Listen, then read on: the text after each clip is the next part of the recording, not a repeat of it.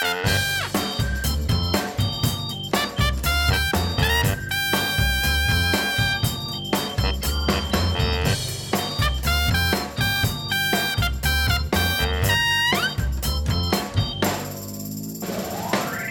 het eerst in de geschiedenis van CIP maken we een podcast in onze korte broek.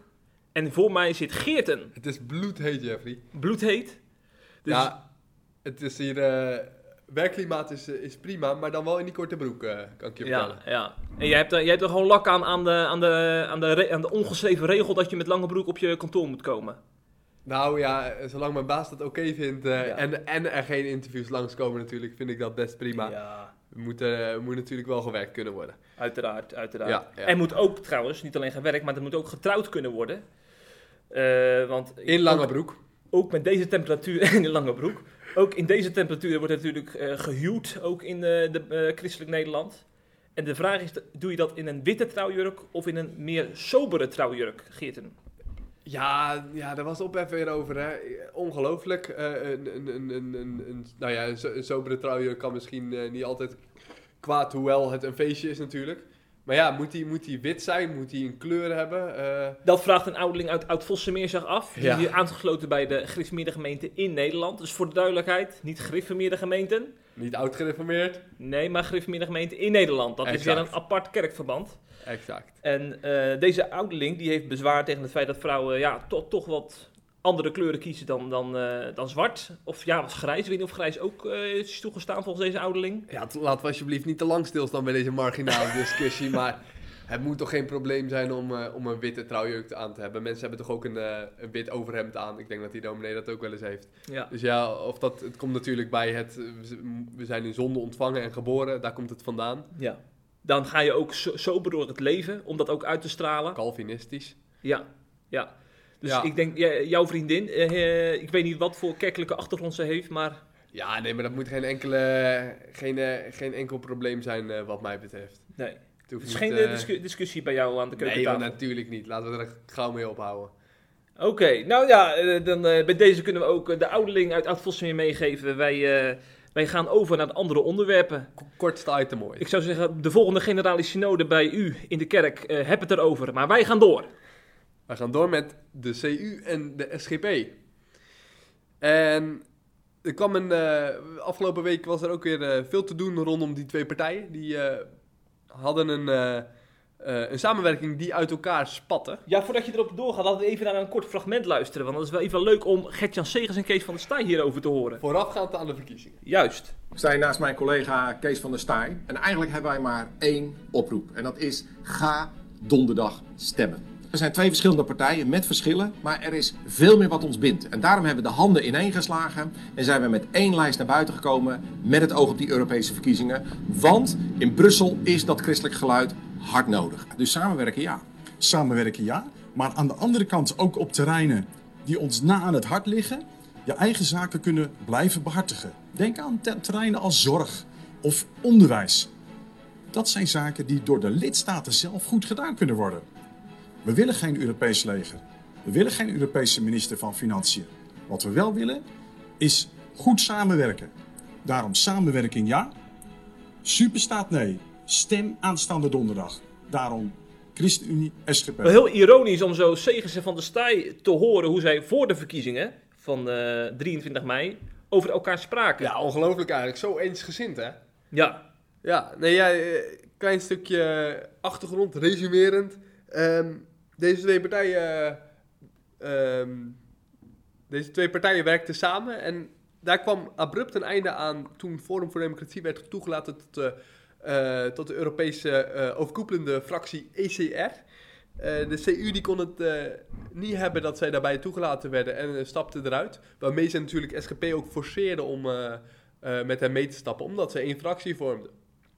Nou ja, die, die samenwerking met Forum voor Democratie in die, in die fractie is voor CU geen optie, voor de SGP wel. Ehm, omdat zij hun Europese kritische geluid daarmee niet kunnen laten horen. Ehm, of tenminste, eh, omdat de Forum voor Democratie dat wel doet en CU natuurlijk niet, ik moet dat goed zeggen. Ehm, ja, en dat komt helemaal tot, uit, eh, tot uiting in het eh, standpunt over de Nexit van Forum, waarop ze nu wel een klein beetje terugkomen. Maar eh, ze zijn zeker nog steeds ontzettend Europees kritisch. En zouden willen dat er, eh, dat er een heleboel banden worden gelegd aan de Europese samenwerking. Ja, en de CU die staat daar duidelijk heel anders in, hè? Dat is wel helder. Ja, dus ja, ze ja, willen ja. zich ook niet aan die partij binden daarom. Nee, dus stapten ze eruit. Nou ja, en afgelopen weekend, eh, of afgelopen week, moet ik het goed zeggen, is de breuk definitief geworden. Zijn ze ehm, allebei in een andere fractie verder gegaan. De SGP is eigenlijk blijven zitten in die fractie. En de CU heeft zich eh, eh, aangesloten bij de EVP, Ja, de Europese ja. Volkspartij. Eigenlijk zagen we dit al van tevoren aankomen, want voor de verkiezingen heb ik, ik herinner, mij nog een filmpje van WNL. Ja. Daar, eh, daar zat Peter van Dalen van de ChristenUnie en Kees van der Staaij van de SGP. Mm. En je zag hoe ongemakkelijk het was, want die journalist stelde vragen over waarom ze eigenlijk op één lijst staan. Ja. en ze zo verschillend zijn. En Ja. toen kwam ook die kwestie aan de orde van Forum. Ja, en toen zag je al van dit gaat niet goed aflopen. En, eh, en daardoor, met zijn uitspraken die, eh, die Van Dalen deed, zijn best wel forse uitspraken van eh Forum eruit of ik eruit, eigenlijk kwam het daarop neer, heeft Ja. hij SGP voor het blok gezet. Ja, zeker. En, en, en ze staan zo anders ten opzichte van Europa. Ja, Dat, ja dat SGP is veel eurokritischer dan, dan CU uiteindelijk. Ja, Daar komt het op neer. En ehm, wat ook interessant is, in het Reformatorisch Dagblad eh, verscheen een analyse, naar aanleiding van die definitieve breuk, van Wouter Bekers, directeur van het Wetenschappelijk Instituut van de ChristenUnie. Ja, die vond, eh, had, ik, had, had wel goede punten, vond ik. Ja, wat vond je er goed ja, aan? hij, hij gaf aan dat, ehm, nou ja, dat, dat er ook echt een ideologisch verschil is tussen hoe je om moet gaan tussen geloof en politiek. Hoe die verhouding moet zijn. En, ehm, en de CU staat daar gewoon heel anders in volgens hem. Hij zegt bijvoorbeeld, ehm, eh, de CU vindt, eh, vindt dat je meer naar de, naar de algemene onderwerpen moet kijken. En daarvan ehm, wel op basis van de Bijbel je eh, geluid moet laten horen. Maar de, de, SGP is daar veel ideologisch ehm, orthodoxer in. Die kijken er veel, veel eh, sterker naar, hey, eh, wij moeten Gods geboden eh, laten horen. Dus wij mogen ook staan voor misschien wat controversiële onderwerpen. Ja, en er komt bijvoorbeeld tot uiting, zegt die Bekers ook eh, bij de Mhm. zondagsrustdiscussie. Van, van, in, in veel lokale samenwerking tussen CU en SGP zie je daar dat eh, de wegen uiteen gaan. Hè? Want de SGP is heel erg van de zondagsrust. Ja, En als je dan in ChristenUnie-kringen dit laat vallen, dan hebben ze zoiets van: ho, ho, dit is een achterhoedegevecht. Laten we ons op de echte eh, zaken des levens richten. ja, ja. ja. Dat zag je ook bij de Nashville-verklaring trouwens, eerder dit jaar toen die uitkwam. Veel SGP'ers die zich heel erg druk maakten over eh, hoe er in seculier Nederland over werd gesproken. Hè. Ze voelden zich toch wel een beetje in de hoek gezet door al die kritische reacties erop. ja. En in ChristenUnie-kringen hadden ze zoiets van: ja, eh, laten we hier niet een te groot punt van maken, die Nashville-verklaring. Ook weer een achterhoedegevecht eigenlijk Dat in doet het christelijk imago ook geen goed. Ja, Nee, Ja. nee. En dat sluit ook wel aan bij de uitspraken van eh Roel Kuiper. Roel Kuiper, ja, dat is een voormalig eh, ChristenUnie-senator. ja, hij ging eh, weg en hij had een opmerkelijk interview, zei je. Ja, in het Nederlands Dagblad had hij een soort van afscheidsinterview over, om terug te blikken op zijn jaar in de Eerste Kamer.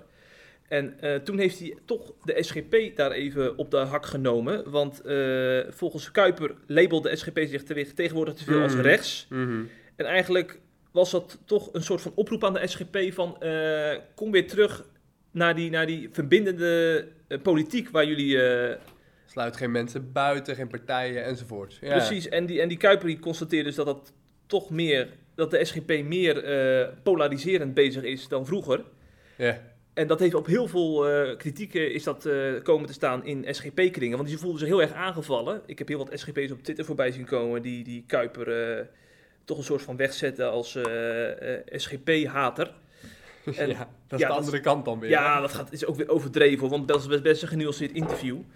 Maar onder andere Bart-Jan Spruit, een wat meer conservatieve eh, man, die, die heeft een blog geschreven in Nederlands Dagblad. Mhm. En, en die heeft naar aanleiding van die, dat interview met Kuiper toch ook de andere kant van de zaak belicht. Want volgens die Spruit eh, eh, labelt de ChristenUnie zich juist meer als links tegenwoordig. Hij verwees onder andere aan een interview met Paul Blokhuis, staatssecretaris van de ChristenUnie in het kabinet in Trouw.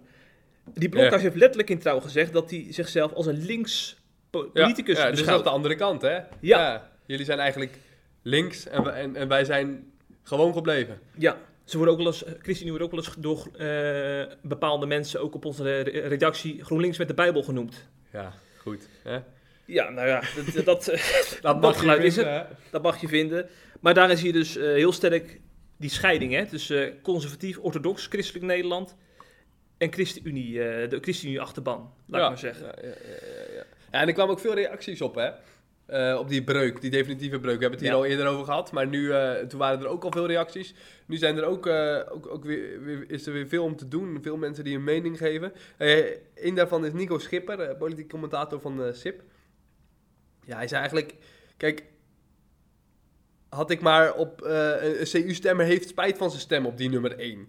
had ik nu toch maar op nummer 3 gestemd, dan was mijn stem niet voor een deel naar RVD gegaan. Terwijl dat ook, ook andersom was. En, en eigenlijk, eigenlijk biedt het wel helderheid, zegt hij, dat ze uit elkaar eh, zijn gegaan. En kunnen ze nu hun eigen geluid laten horen. Ja, ja Nico Schipper had in een vorige column ook al gezegd dat eh, deze twee partijen de kiezer hebben gegijzeld door voor de verkiezingen hier zo, Mm, mm. hier zo wispelturig ja, over te ja, doen. ja, ja. En, en, en ook het RD, eh, de hoofdredactie, eh, plaatst elke dag een commentaar. En dit het ging ook een keer over deze breuk. Ehm, ja, en die zeiden eigenlijk... een, een deel van de, van de kiezers, maakt niet uit van welke partij ze ook zijn, maar die voelen zich nu echt gewoon belazerd. Dat is nogal wat als een hoofdredactie van het RD dat zegt, hè? Ah ja, die zeggen elke dag wat. eh, maar mm, ja, ze, ze namen wel stelling, dat klopt. Ja. En, en, en ik vind het ook wel terecht. Ehm, het is begrijpelijk eh, dat, dat zoveel kiezers... die hebben op een, op een fractie gestemd waar ze allebei in zitten. Niet waarop één in zit. Als je normaal zou stemmen voor de CU... en, en eh, dan is een deel van je stem ook voor de SGP. Zo simpel is het nu. Mhm. Ja, Ja, zeker. En laten we niet onze journalist Thijs van der Brink eh, vergeten, van de EO. die had een menselijke visie, eh, geloof ik. Menselijke visie, ja. Ja, hij, eh, hij verwees eigenlijk naar ja, hoe christen in het dagelijks leven ook van mening verschillen. Hè. Volgens hem is, is dit gewoon eigenlijk een, een uiting van, van hoe christenen verschillend tegenwoordig in het leven staan. Mhm, mhm. En hij verwees ook nog zelfs naar de Bijbel, Johannes 17, eh, waarin volgelingen worden opgeroepen om een eenheid te vormen. Ja, dat, dat is natuurlijk een heel mooi streven, zegt hij, maar het, het leven is heel erg broos. Ja. We, we denken Ja. gewoon heel verschillend en christenen zijn net mensen. En hij heeft, hij heeft eigenlijk een heel nuchter geluid. Ja, Van, eh, da- da- ja. Dat is gewoon de realiteit en laten we daar ook niet te moeilijk over doen. Ja, en hij, hij trekt het wel weer een beetje naar elkaar toe. Hè? Als hij zegt, de grote voorman van zowel de CU als de SGP, die wil die eenheid zien. Dus dat, is, dat vond ik dan wel weer mooi. Er is niet, eh, misschien zijn die eh, Europese parlementariërs niet, de- niet de voormannen, maar, eh, maar is er eentje. Ja, ja, klopt. Zeg, is het eigenlijk een grote nederlaag voor christelijk Nederland? Is het een definitieve breuk? Nou, weet ik niet. Misschien is het wel een real- realistische breuk. Wel een, een breuk met zicht op de toekomst, waarbij je nu met elkaar verder kan gaan. Ik, ehm, ik, heb er, ik, ik denk ook dat ze volgende keer ook hier beter over nadenken. Of in ieder geval met elkaar bedenken, hey, dit zijn de, de, de, de, de dingen waar we met elkaar best veel over verschillen, maar zo staan we erin. En dat hadden ze nu minder uitgekristalliseerd. Ja. Dus, dus als je nog een keer gaat samenwerken, gaat het denk ik beter. En, en, en, maar misschien is dit ook een, een moment dat je zegt, eh, we staan zo ver van elkaar af, dat doen we niet meer. Ja, ja, gewoon reëel zijn. Ja, moet er wel even aan toevoegen, ik heb ook nog eh, gehoord dat eh CU en SGP wel bereid zijn om te blijven samenwerken in Europa, maar dan, ze staan dus niet meer op één lijst. Hè? Dus bijvoorbeeld Ja, thema's als, als eh, godsdienstvrijheid en zo, ja maar dat zal je altijd blijven doen. blijven ze samenwerken Ja, natuurlijk. ja, ja, dus dat, dat is ook wel weer goed om te horen dat ze niet de deur definitief hebben dichtgedaan voor elkaar. Nee, Ja. Over politici gesproken, we hebben een eh, soort ramptoerist in de Tweede Kamer zitten. Dat is namelijk Tunulhan Kuzu van Denk. Kuzu. Kuzu. Die hebben we regelmatig al behandeld in de podcast, want eh, zijn uitspraken zorgen regelmatig voor ophef, ook in christelijke eh, kringen. Ik, moet, ik moet eerlijk zeggen, voor, voorheen was Alexander Pechtel toch wel een beetje een soort van antichrist. door, zijn uit, door zijn uitgangspunten als D66-leider. En Mhm. als wij dan een berichtje over Pechtel op CIP plaatsen, Maar ontploft het? ontplofte de boel enorm. En die plek is tegenwoordig ingenomen door Kuzu. Als wij tegenwoordig een berichtje over Kuzu plaatsen, dan ontploft de boel op dezelfde manier. Ah ja, zolang er maar dingen blijven ontploffen, toch? Ontploffingsgevaar voldoende.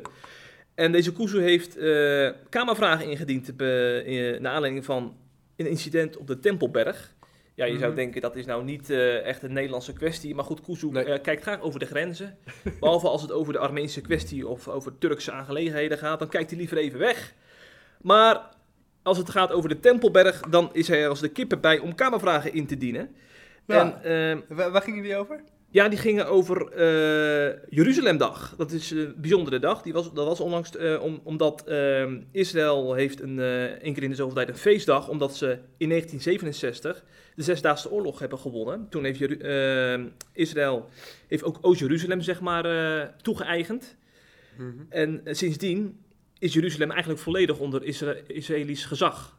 Officieel. Ja. Er is ook weer een nuance in aan te brengen, want eh, de Tempelberg staat onder beheer van Jordanië. En Ja, die is ook niet, eh, niet beschikbaar om te bidden, toch? nee, Joden mogen daar officieel niet bidden, omdat eh, ja, Jordanië heerst daar. En die vinden dat eigenlijk wel een goede regel om daar de islam daar de voorkeur te geven boven het Jodendom. Daar komt het op neer. En waarom En- is dat zo- zo'n zo'n zo'n heikele plek, die Tempelberg? Eh, ja, het, het- heeft natuurlijk ook bijbelse wortels. Hè? Dat is natuurlijk de plek waar Salomo eh, de tempel bouwde. En eh, echt de heilige plek van het Jodendom. Eh, die is eigenlijk een soort van toegeëigend door, door eh, daar twee moskeeën te bouwen. ja, we hebben daar, de islam dus ja, eigenlijk. we hebben daar de, de rotskoepel. Hè? Dat is toch, toch wel het toonbeeld van het feit dat de islam in Jeruzalem tegenwoordig zegeviert. Daar lopen ze ook graag mee te koop. Mhm. Op die rotskoep- rotskoepel staat bijvoorbeeld de tekst: God heeft geen zoon, Allah is groter. Nou, als je een statement Ja, maakt, Ja, ja, nou, dit is toch wel een statement, hè? ja En- het wel openlijk provoceren en dan 24-7 eigenlijk. Ja. Dat zeggen ook Ton en Christian Stier, die ik vorig jaar sprak. Eh, zij zijn eh, onderdeel van Stichting Israël en de Bijbel. En ze hebben een paar jaar geleden hebben ze een eh, conferentie gegeven over de geestelijke strijd rondom de Tempelberg. Want je zou dus ook kunnen afvragen, we zijn een christelijk medium. We hebben Mm. een CIP-podcast. Waarom bespreek je Kuzu en de Tempelberg? Nou, eh, deze eh, familie Stier is dus van mening dat eh, de duivel en God, de strijd tussen hen, op de Tempelberg heel erg tot uiting komt. Ja, ja. En ehm, zij verwijzen bijvoorbeeld ook naar de radicale islam. En we hebben de islamitische staat, dat is toch wel een beetje, zo'n beetje de grootste extremistisch-terroristische organisatie in, in moslimkringen tegenwoordig. Eh, die hebben, die hebben een gebied gehad, tot voor kort een groter dan Nederland en België bij elkaar, hè, in Syrië en hier, in Irak. Ja, ja, ja. Gelukkig zijn ze inmiddels teruggedrongen. Eh, maar ze zijn nog steeds actief. En in hun propagandakanalen verwijzen ze regelmatig naar Jeruzalem. Hè, de, de, de strijd is pas echt gestreden als de... het- Twaalfde eh, imam daar terugkomt, volgens ja, mij. hè? ja. Ja, dat is de, de Mahdi die ook wel eens genoemd. Een soort van, een soort van islamitische Jezus eigenlijk, Ja. die, die dan terugkeert in de einde der tijden. Die, Ja. die zal dan zijn voeten in Jeruzalem plaatsen. En dan is het natuurlijk mooi als daar een kalifaat is, waar IS of een andere moslimorganisatie regeert. Ja. En dan is de strijd definitief eh, bestreden. En dat terwijl Jeruzalem helemaal niet in de Koran voorkomt. Ja, dat vinden dus die familie Stier ook zo opvallend. Dat ze Jeruzalem daar, dat ze daar zo'n groot punt van maken, terwijl dat dus niet in de heilige boeken eh, eigenlijk eh, eh, wordt beschreven. En ja, dat is voor hen ook een beetje een teken dat het echt een provocatie is, ook van die, Mm. van die radicale moslimgroeperingen, om Jeruzalem zo, eh, eh, zo centraal te stellen in hun Ja, daar propaganda. zou ik nog wel meer van willen weten, want je, je- anders, eh, ik bedoel, de moslims hebben daar toch ook een reden voor, zou ik denken. Maar goed, daar weet ik hier niet genoeg van. Maar eh, het zal toch niet alleen een provocatie zijn, mensen geloven daar ook in, eh, neem ik aan. Ja, nou ja, dat, het inmiddels is in, naast de Koran heb je natuurlijk ook heel veel islamitische eh, soort van Heidelbergse catechismus kanalen. Hè? De- En, en daarin wordt natuurlijk dan wel Jeruzalem genoemd. En dan claimen ze Jeruzalem natuurlijk ook gewoon als islamitische plek. Is een soort apocryfe boeken. Ja, ja, Juist, klopt. juist. Ja, en Kuzu die mengde zich dus in die discussie. Ja, Hij, eh, dat is volgens mij geen toeval. Want hij, volgens Ja. mij heeft hij echt een politieke agenda om, om van dit soort gevoelige kwesties, om, eens- daarin, eh, om daarin te laten zien, ook aan zijn achterban, ook in Nederland, die toch best wel conservatief islamitisch is, hmm, om te laten zien dat hij ook aan, eh, aan de andere kant staat. Zeg Ja. maar aan de kant die Jeruzalem claimt als islamitisch grondgebied, zal ik maar zeggen. ja. En ehm, ja, dan is zo'n incident op de Tempelberg heel handig om dat uit te venten. Want wat gebeurde er eigenlijk op Jeruzalemdag? Eh, de, eigenlijk in eerste instantie was afgesproken dat... Het was trouwens ook Ramadan toen Jeruzalemdag was. Dus dan is het extra gevoelig natuurlijk, Ja. dat item. Eh, toen is eigenlijk afgesproken om, om vanwege de gevoeligheden... om daar geen Joodse activisten toe te laten tot die Tempelberg die dag. Want Ah, oké. ja, dat zou tot ophef leiden. En daar heeft Ja. de Israëlische politie ook helemaal geen zin in. Nee. Eh, maar ja, ook in Joodse kringen heb je dus eh, toch wel eh, wat eh, actief- hardliners, activisten, die een statement willen maken op Jeruzalemdag, op die Tempelberg. Dus vervolgens moet zo'n politie moet dan een risicoanalyse maken van wat doen we? Wat is de, de veilige route? Uiteindelijk hebben ze toch besloten om die groep toegang te verlenen tot de Tempelberg. Maar daar, dat leidde weer tot ongeregeldheden tussen eh, islamitische bezoekers van de Tempelberg en de Israëlische veiligheidsdiensten. Ja, ja. Er is zelfs met stenen en stoelen gegooid. Stoelen, ja, die hadden ze erbij zich. eh. ja, ja, ik denk om even eh, van, van de Tempelberg te genieten, eh, onderuit gezakt of zo. Van de terrasjes, goed. Dus die, ja, die belanden dan op het hoofd van de Israëlische veiligheidsdiensten. Ja, dan, heb je weer een nieuwe situatie, zal ik maar zeggen. Mm, Is toch mm. die Joodse groep, uiteindelijk is hier toch die Joodse groep toegelaten tot de, tot de Tempelberg, toen, toen Ja. de gemoederen wat zijn bedaard. En zonder grote incidenten uiteindelijk kon die Joodse groep over die Tempelberg lopen. Wat zegt Kuzu vervolgens in de Nederlandse media? Die zegt, de Tempelberg is bestormd door honderden kolonisten. Oh, lekker Onder begeleiding van het Israëlische leger. Dat hele leger was er niet bij betrokken eh, trouwens, maar dat maakt niet Nee. uit. Nee. Die Kuzu heeft weer zijn punt kunnen maken. Want dan wordt, wordt dan door zijn achterban weer overgenomen eh, zonder de feiten te, zonder de feiten te, te bestuderen. En, en vorige maand was er ook al zo'n incident, hè, dat hij daar ook al mee eh op Ja. de kwam. Dat is zo. Rond het Eurovisie Meen ik me te Songfestival. herinneren. Ja. Het Eurovisie Songfestival werd dit jaar in Israël gehouden. En rond die tijd ging Kuzu met een vliegtuigje naar, eh, naar Israël toe. Om daar met een Palestijnse vlag over de Tempelberg te gaan wandelen. ja. Nou, als je iets niet moet doen, iedere, iedere halve zol weet dat, Ja. Ja, is met een vlag over de Tempelberg lopen. Want, dat, want dat leidt tot provocaties en rellen. Daarom zie je ook bijna nooit Israëlische en Palestijnse vlag op de Tempelberg. Want iedereen weet dat is te gevoelig, dat kun je Ja, niet maken. ja, en dat is ook gevaarlijk. Toen werd hij ook staande gehouden, hè? Hij werd kort eh, staande gehouden ook door de Israëlische politie om ook weer eh, nieuwe rellen te voorkomen. Mhm. Want dat werd natuurlijk weer geframed door die Kuzu als eh, hè, ik ben het slachtoffer, hè, de, de Israëlische kolonisten die houden mij aan. bent geen fan van hem, moet ik, moet ik zeggen. Ja, maar weet je, ik hou niet van, van politieke hooligans. Je zit in de, in de Tweede Kamer om, om voor je achterban, om, daar om, om, om daarvoor op te komen, om, om nieuwe wetten in te dienen, om zo het land ook eh, dienstbaar te zijn. Mhm. Je zit niet in de Kamer om daar als een soort van eh F-side hooligan uit, uit, uit Amsterdam, om daar eh, de boel kort en klein te slaan. Ik denk Nee. dat dat is namelijk de volgende stap, dat ze nog daar echt de Kamervoorzitter gaan aanvallen Ja. met, met een baksteen. Ja, ik denk dat ze dat nog een keer gaan doen hoor. Vooral die Ja, stoelen gooien, dat kan daar ook. Stoelen gooien, ja. Ja, Dat kan er ook. Maar, nee, maar goed. ehm, hij heeft dus echt een... eh, hij, hij, werd, hij werd daar een maand geleden dus inderdaad ook... eh, ehm, zat hij ook te provoceren en werd hij, eh, werd hij toen kort opgepakt. Wat hij trouwens ook vreemde als arrestatie. Hè? Dus, dus Ja. dat, dat liegen daarover komt hier ook weer terug. ja, er wordt heel veel geframed als het over dit soort kwesties gaat. Maar duidelijk is dus dat Kuzu eh, steeds weer een stapje verder gaat. En dan moeten we dus ook als christenen, mogen we daar best op gaan letten, hoe die, hoe die daar ook eh, ja, zeg maar onze vraagstukken voor gaat gebruiken. Hij gaat ook, ik, ik denk, nu zijn het nog Joodse vraagstukken vooral. Ja, ja. Hij gaat denk ik op een gegeven moment gaat hij ook eh, eh, politieke kwesties die vooral bij SGP en CU Mm. eh, aan het hart liggen, gaat hij denk ik ook voor zijn karretje spannen. Ja. Want dat zijn echt de, de manieren om, om je achterban een beetje Ja, op te porren, zeg maar. Polariseren, hoppakee. Ja, dat, dat kan die Kuzu wel. En Kuzu heeft trouwens ook een smartphone in zijn bezit. Ja, daar filmt hij alles mee. eh. Daar filmt hij natuurlijk al dit, dit soort eh tafereelen mee. Ja.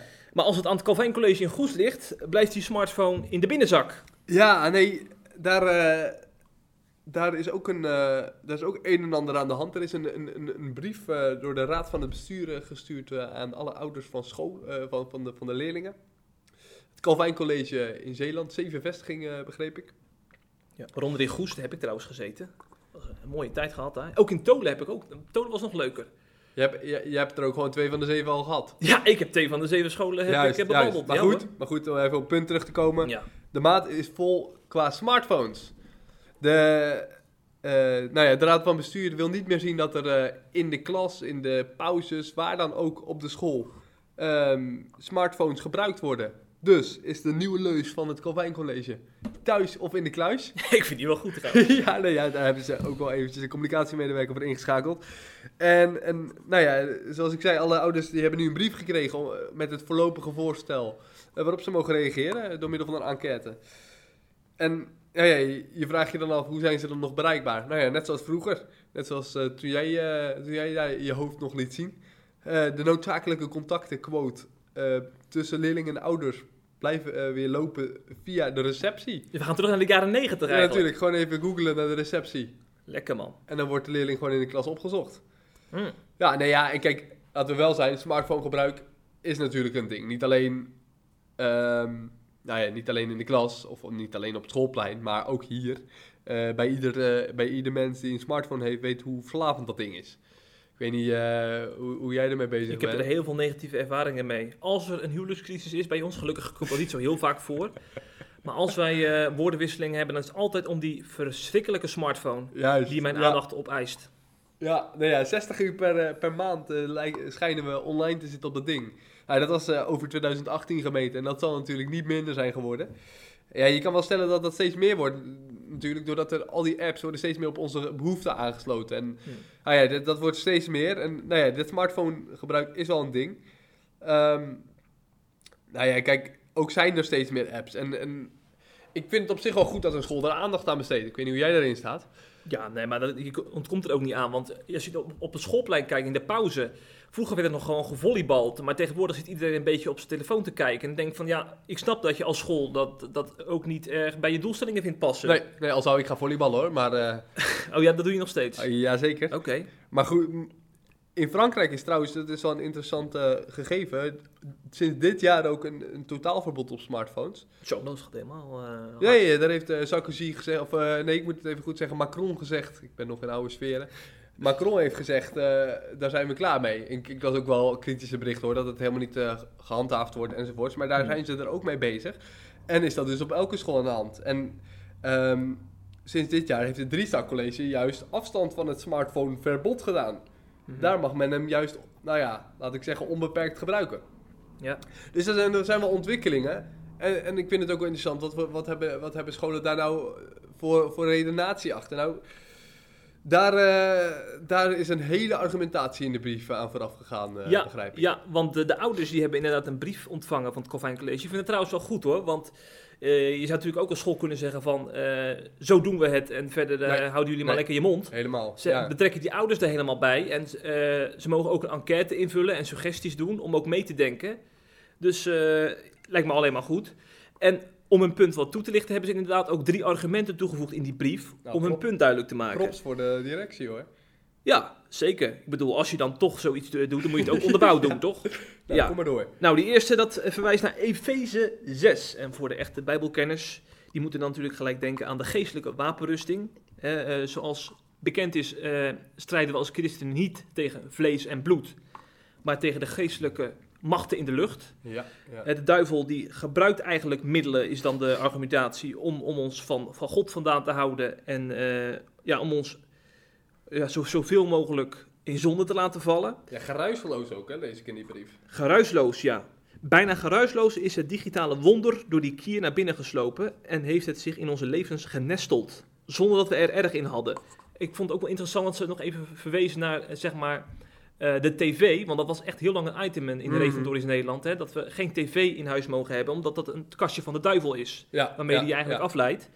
Terwijl op de achtergrond heel veel mensen eh, gebruik maakten van internet, uitzending gemist. Ja. En daar was dan, was dan veel minder om te Ja, doen. ja, en nu zeggen ze, we hebben de fout gemaakt om dat geruisloos toe te laten. Want nu zit iedereen met een smartphone in de zak. Nee, dat is wel consequent natuurlijk. Ja, Ja. op zich wel. En eh, ja, die geestelijke strijd komt dus volgens hun tot uiting bijvoorbeeld in filmsites zoals Netflix en Videoland. Hè, dat je dan eh, allerlei gewelddadige films kan bekijken. En zo de duivel ingang krijgt om, ja, om zijn slag te slaan, zal ik maar zeggen. Mhm, mhm. Dus vandaar, dat is dus het geestelijke argument. Ja, en Gods koninkrijk wordt daar niet mee gediend. Dat is natuurlijk het uiteindelijke Ja. argument. Ja. Ehm, eh, daar hebben we dan geen tijd meer voor. Ja, precies. Ja, klopt. Ja, denk maar aan stille tijd. Ik bedoel, dat is toch een belangrijk item ook in deze kringen. Dat je, dat je je dag met God begint. Ja, als je dan of eindigt. of eindigt en dan heb je een smartphone. Ja, dan, dan kies je al gauw toch voor die smartphone. Mhm.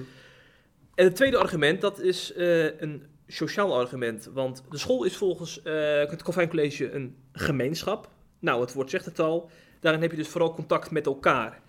Hè, ik denk ook aan, aan eh, hoe we in de kerk met elkaar omgaan. Als wij de dienst hebben gehad op zondag, dan gaan we allemaal met elkaar koffie drinken en thee drinken. En lekker Ja, bijpraten ja, over ja, hoe het met je gaat. En de school is eigenlijk ook een soort van eh, soort gelijk. eh, Moet je je voorstellen dat je dan met, Gemeenschap. je, met z'n allen op de telefoon gaat natuurlijk. Ja, ja, ja, dan is het natuurlijk van contact totaal geen sprake Nee, meer. nee. En dan kan ik me ook als, eh, ja, ik kan me voorstellen als je dan het Calvijn College bent, ja, dat, je, dat, dat, je, dat je dat toch wel, dat je dat toch Ja. wel maatregelen in wil Ja. nemen om, dat, om, dat, om die gemeenschapscultuur in stand te houden. Ja, en voor de Franse president Macron was dit eigenlijk het hoofdargument. Ja, ja. Je kan natuurlijk Ja. niet met, eh, met de boosheden in de lucht eh, aankomen. Mm, Nee, nee, in Frankrijk is dat wel. eh nee, dat heb je wel afgedaan hoor. En het derde argument, dat is het misbruiken van de smartphone. Want laten we eerlijk zijn. Regema- ik heb volgens mij een paar jaar geleden was nog een heel heftig incident. Toen had er een jongen zelfmoord gepleegd ergens in Nederland. Hmm. Omdat hij online werd gepest via WhatsApp. Ging Ja. Ook via eh, eh, de, de groepsapp van school. Medeleerlingen die hem helemaal zwart maakten. En eh, ja, dat, dat soort online pestgedrag wil je natuurlijk ook zoveel mogelijk voorkomen als, je, als je het Calvijn bent. Ja. Ja, dus dat, ja, dat gaat dus, en ja, lo- logisch, dat pestgedrag gaat natuurlijk in tegen stift en beleidenis wordt dan gesteld. Dus eh, dat is het derde argument dat het Calvijn College eh, gebruikt. Ja, nou ja, op zich allemaal, eh, allemaal goede argumenten. Dingen die wel hout snijden, denk ik. Ehm, toch, ehm, een paar maanden geleden was dominee Van Renen, hersteld hervormd, die, ehm, die zei ook dingen over de smartphone bij het programma Nieuw Licht. Ja. En, en hij legde toch wel wat andere nuance. Hij zei, ja, op de smartphone, het klopt, dan kun je heel veel zondige dingen doen. Maar dat is niet de oorzaak. De, smartphone is niet de oorzaak, dat zijn wij. Wij zijn in principe eh, op zoek naar dingen eh, die niet goed zijn als wij slechte dingen doen. En, en dat is niet zo dat de smartphone daar de oorzaak van is. Nou, ik vond dat wel, eh, wel realistisch. Hij zei, zondig ben ik. Zonde zit, in de, zonde zit niet in een ding of in de wereld om je heen, maar in de connectie tussen mij en die wereld. Dus ik vond dat eigenlijk wel een, een, een belangrijke kanttekening. Ehm, je kan allemaal zeggen, die smartphone is allemaal een probleem, dus die doen we gewoon weg. Maar ja, die zit niet in die smartphone. hè. Dat- dat is- Oké, het is een middel en, en daar kan je allemaal verkeerde dingen mee doen. Maar uiteindelijk moeten wij zelf gevormd worden. Mhm. Ja, ja. Ja.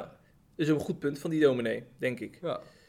En een dominee die eh, ook trending was op SIP daardoor. Mhm, mhm. Ja, nee, en, en ik vond het ook wel grappig, want je kan natuurlijk zeggen, de smartphone eh, kan niet. Eigenlijk net zoals bij de tv gebeurde, dat die smartphone op, de, eh, op een kier, eh, de deur daarvoor werd, of tenminste het internet eh, op een kier werd gezet. Alleen, ze zeggen in ieder geval wel bij het Calvijn College, dan doen we ook geen smartwatches. En in de toekomst ook geen smart glasses. Mhm. Dus dat is natuurlijk dan wel een, een, een consequente houding. Dat je ook zegt, dan doen we helemaal geen digitale hulpmiddelen. Wellicht wel het smartboard op de school. Ik weet niet of ze die daar inmiddels hebben, lijkt me wel.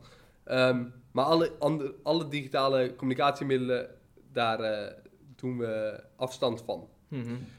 Maar goed, centrale punt. Is dit een oplossing, Jeffrey? Ja, dat is, wel, dat is inderdaad de vraag. Hè?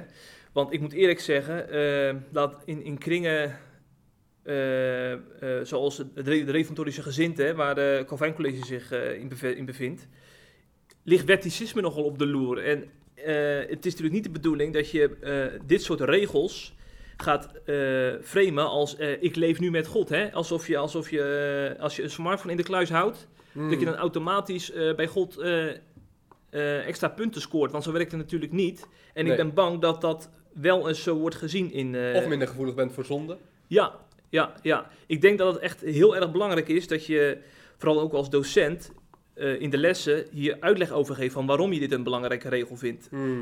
Ga desnoods ook eens eh, met die leerlingen in gesprek over je eigen leven. Stel je kwetsbaar op. Ik denk dat het heel eh, hulpzaam zou zijn als een docent in de klasse zou zeggen van... eh, ehm, ja, hoe belangrijk hij het vindt om, om een, een goede relatie met zijn vrouw te hebben. En Ja. daardoor bijvoorbeeld wel eens een smartloze avond heeft. En met zijn vrouw een, een handje gaat wandelen in een bos. Of, ik denk dat je Ja. dat, die Ja, veel nee, beter zeker. bereikt dan wanneer je alle- alleen maar bij een regel houdt. Ja, ja, ja, kijk, en, en het punt is natuurlijk ook, eh, dit, dit geldt op school, maar, maar als ze die kluisjes open doen, dan hebben ze de telefoon weer. En, en, dan, gaat het, en dan gaat het verder. Ja.